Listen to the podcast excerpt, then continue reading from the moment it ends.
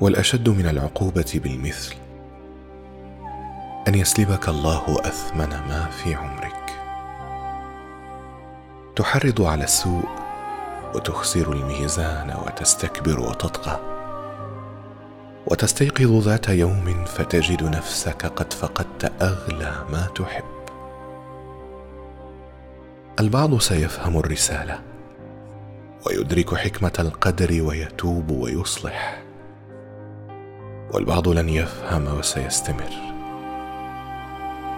الصلة بين الذنب والعقوبة لا يفهمها كل الناس. والله يتوب على من يشاء. فاللهم أرنا حكمة أقدارك وردنا إلى جوارك. فلا ننسى فننسى. نستغفر الله الذي لا إله إلا هو الحي القيوم ونتوب إليه.